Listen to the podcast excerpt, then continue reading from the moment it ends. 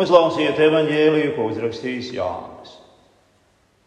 Es esmu labais gans. Labais gans atdod savu dzīvību par avīm. Algots gans, kam avis nepieder, redzot vilku nākam, pamet avis un bērnu. Un vilks tās sakampja un izklīdina, jo algāncīm avis nerūp. Es esmu labais gans, un es pazīstu savus avis un avis pazīst mani.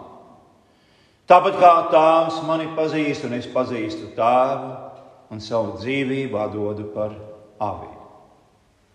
Man ir vēl citas avis, kuras nav no šīs kūts.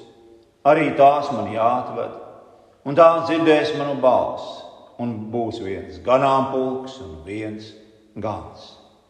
Āmen. Tā kunga žēlastība piepilda zemi lasām psalmu grāmatu.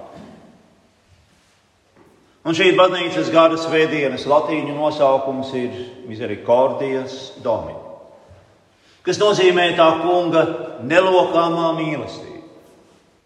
Mēs to saucam par labā gada svētdienu. Labā gada svētdiena mums vēsta par tā kunga nelokāmo mīlestību, kas atklājas Kristu, kuru mēs saucam par savu kungu. Mēs zinām, ka viņš ir cilvēks, kurš cieta un mira pie krusta. Tomēr viņš ir arī Dievs, tas kungs. Ķēniņš Dāvids, kurš bērnībā bija gans, uzrakstīja psalmu, kas sākas ar vārdiem: Tas kungs ir mans gans, man netrūks nenieka. Un kad Jēzus saka, es esmu tas gans, tas labais, viņš atbalsto šo psalmu sakot, ka viņš ir tas kungs Dievs, kuru Dāvids reiz saucis par savu ganu. Īsi sakot, šis gans ir unikāls, vienreizējs, ne ar ko nesalīdzināt. Un to, kas viņš ir, mums palīdz saprast atklāsmes grāmatu, kuru nesen kopīgi pētījām. Šīs grāmatas septītajā nodaļā Jānis redz lielu pulku no visām tautām, tērptus baltos tērpos ar palmu zariem rokā. Un viens no debesu vecajiem stāsta Jānim, šie ir tie, kas nāk no lielām bēdām un ir mazgājuši savas drēbes un tās balinājuši jēri asinīm. Un tālāk Jānim tiek sacīts, ka tagad viņi ir Dieva troņa priekšā. Un tad viņam tiek paskaidrots, Un viņa nec izsalks, nec slāps vairs, nec saule, nec, nec svalmains karstums viņus dedzinās. Jo jārs, kas ir troņa vidū, ganīs viņus un aizvedīs viņus uz dzīvo ūdeņu avotiem. Un Dievs noslaucīs visas asaras no viņu acīm. Protams, tie ir ārkārtīgi mierinoši vārdi. Bet tā kā tie ir tik labi pazīstami, Tad ar mums notiek tas pats, kas parasti ar šādām lietām notiek. Mēs bieži aizmirstam to ļoti neparasto tēlu, kas mums šajos vārdos tiek atklāts. Proti, viens no vecajiem, kas runā ar Jāni, saka, jo jārs troņa vidū būs viņu gals. Jārs būs gals. Ievērojiet, jārs šeit vienlaicīgi tā tad ir gan jārs, gan gals. Nu, protams, pasaulē lietas tā nedarbojas. Nāvis gan cilvēks, nevis kāda cita auss. Un tādēļ šos neparastos vārdus mēs nedrīkstam censties saprast no analogijām, kas ņemtas no cilvēku dzīves šajā pasaulē. Kad apustulis Jānis rakstīja savu evaņģēlu, viņš šeit iekļāva mūsu kunga Jēzus vārdus par ganīšanu. Vārdus, kas ir tikpat neparasti. Tie ir neparasti un pārsteidzoši, tomēr tie ir saprotami jo tie ir balstīti tieši tajā pašā patiesībā. Mūsu evanģēlijā lasījumā Jēzus saka, es esmu tas gans, tas labais. Labais gans atdod savu dzīvību par avīm. Es to, šos vārdus saku burtiski tādā gramatiskā formā, kā tie ir grieķu tekstā, jo tas ir ļoti svarīgi. Jēzus nesaka, es esmu tikai gans, viņš saka, es esmu tas gans, tas labais runājot par konkrētu, vienreizēju, unikālu gāju. Un arī šos vārdus mēs esam dzirdējuši tik daudz reižu, ka iespējams neapstājamies un nedomājam par to, cik tie patiesībā ir dīvaini. Senajā pasaulē neviens gans nedotu savu dzīvību, lai glābtu āvis. Āvis bija īpašums, tā bija prece, ar kuru vienmēr saistījās arī risks, zaudējums, slimības vai plēsīgas vērtības. Gans, kurš atdotu savu dzīvību, lai glābtu savus āvis, nu nebūtu nekāds labais gans. Drīzāk mēs viņu varētu saukt par muļķa gānu. Jēzus vārdi šķiet absurds apgalvojums, un tomēr, un tomēr tas ir apgalvojums, kas ietver evaņģēlijas svētīgo absurdu. Tas, kam ir jēga šajā sakarībā, ir saprast abi kā metaforu, kas runā par mums. Nu, piemēram, pravietis Iesēja rakstīja, mēs visi maldījāmies kā avis. Ik viens raudzījās tikai uz savu ceļu, bet tas kungs uzkrāva visus mūsu grēkus viņa. Šim apgalvojumam bija jēga Jēzus laikos. Jo visi labi zināja, ka avis mēdz apmaldīties un noplīt. Tās ir dumjas un tās noplīt. Tās atstāja ganāmpulka drošību, kur uzrauga gans, un dodas uz tādām vietām, kur pēc tam nonāk briesmā. Un tas ir tas, ko darām mēs. Darām tad, kad pravieša vārdiem sakot, raugāmies tikai uz savu ceļu. Dievs mums ir devis savu vārdu, kas mums pauž viņa gribu. Viņš pat ir ierakstījis savu likumu mūsu sirdīs. Viņš mums ir pastāstījis par ceļiem, kas nes svētību, un ceļiem, kas nes ļaunu. Un ko mēs? Mēs to tomēr izvēlamies ignorēt. Tad, kad ejam un darām savas lietas, savas lietas. Mēs liekam šīs pasaules lietas pirmajā vietā, un Dievu otrajā vai vēl kādā attālākā vietā. Mēs rīkojamies sautīgi. Mēs darām to labi, zinot, ka tas ir nepareizi. Un tomēr izvēlamies to darīt jebkurā gadījumā. Vai pat vēl ļaunāk. Mēs nevaram atturēt sevi no tādu lietu darīšanas, par kurām mēs zinām, ka tās ir nepareizas un postošas mums pašiem. Un viena no nepareizākajām un postošākajām lietām ir tā, kas daudziem šķiet ne tikai laba, bet arī pati par sevi saprot. Nu, proti, mēs kaļam savus dzīves plānus, veidojam sapņu pilis un, nu, protams, piesaucam palīgā Dievu to īstenošanu. Un tas, protams, pats dažiem varētu šķist labi un dievbijīgi. Taču kas tas ir? Tas ir nekas cits kā sava veida pagānisms. Jo kristietim nav un nevar būt savu plānu. Kristietis ir augs, kas klausās savu gana balsī un sekoja. Lūk, tas ir kristiešu plāns. Un tādēļ, ka tā vietā tiek likta šīs pasaules vilinošo sirēnu balss, kas mudina katru pašu kalt savu dzīves plānu, un veidot savu ceļu, nevis sakot Dieva aicinājumu. Šā iemesla dēļ mūsdienu kristietībā un, protams, arī sabiedrībā kopumā valda briesmīgs pagrims. Jo tas ir tas vienīgais, ko mēs varam sasniegt ar pašu plāniem, ar pašu mērķiem, ar pašu nodomu. Jo sākotnēji tie vienmēr šķiet skaisti un brīnišķīgi, bet beigu beigās tie mūs ieved dziļāk purvā. Muļķīgās iedomas par cilvēku autonomiju, pašnoteikšanos un izvēles brīvību mūs dara ne par ko citu kā par pazudušām avīm. Un tas, kas mūsdienu cilvēkam šķiet augsts intelektuālais un sociālais sasniegums, ir maldinošā viltus balss, kas mūs vēd katru pašu pie sevis, pie savām iecerēm, sirds domām un plāniem. Jāmeklē sevi, jāatrod sevi, jārealizē sevi. Kas tas ir par plānprātīgu eh, runas veidu? Tas ir ne tikai nepareizi, bet tā ir pat totāla muļķība.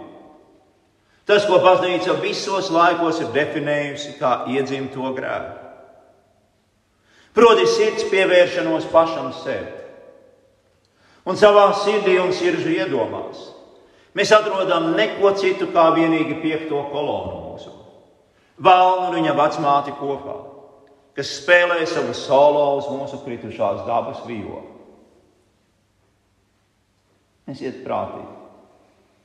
Mūsu dzīvē mēs esam aicināti nebūt vērsti uz sevi, bet būt vērsti uz ārpusi, uz citiem cilvēkiem.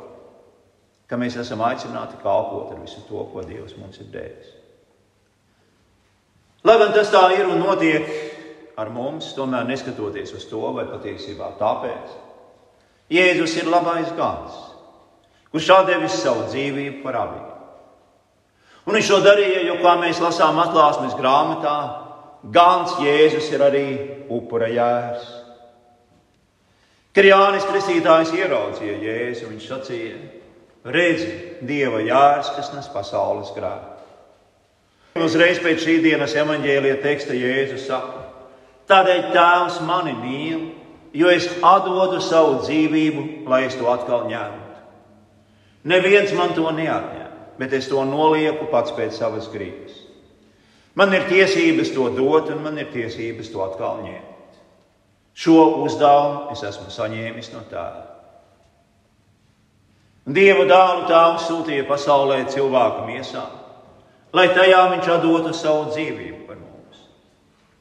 Un tajā vakarā, kad Jēzus tika nodots, viņš sacīja: Es daru, kā tēvs man ir pavēlējis, lai pasaule zinātu, ka es mīlu tēvu Jēzus nodeva sevi kā upura jēru, kurš izpirka manas un tavas grēkus.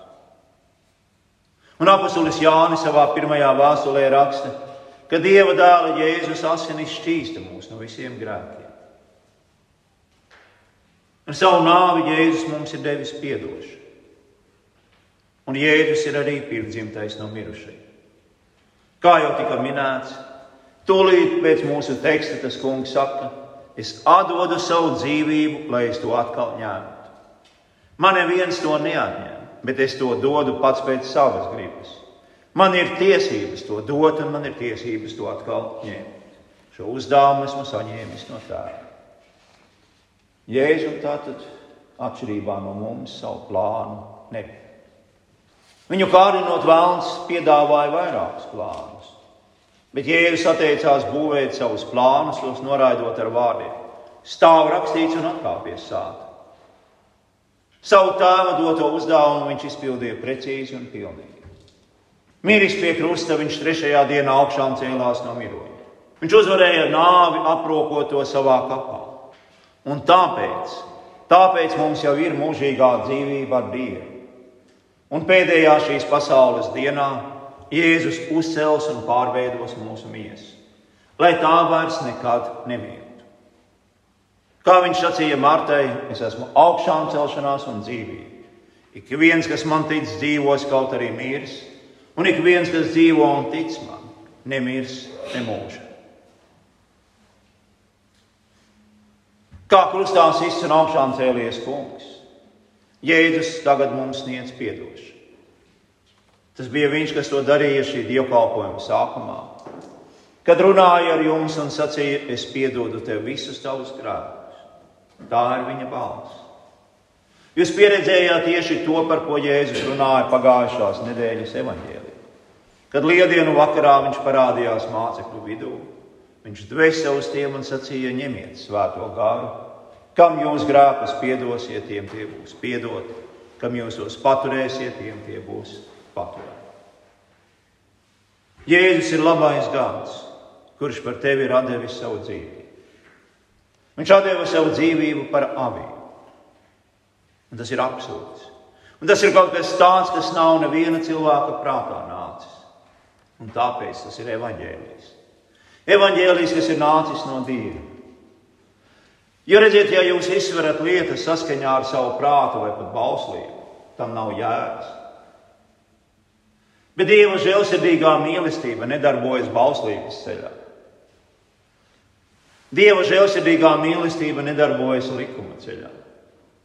Tā vietā Dievs mūs tik ļoti ir mīlējis, ka esam tikuši ievilkti tēva un dēla kopīgajā mīlestībā. Kā tēvs man ir mīlējis, tā es jūs esmu mīlējis, sacīja Jēzus.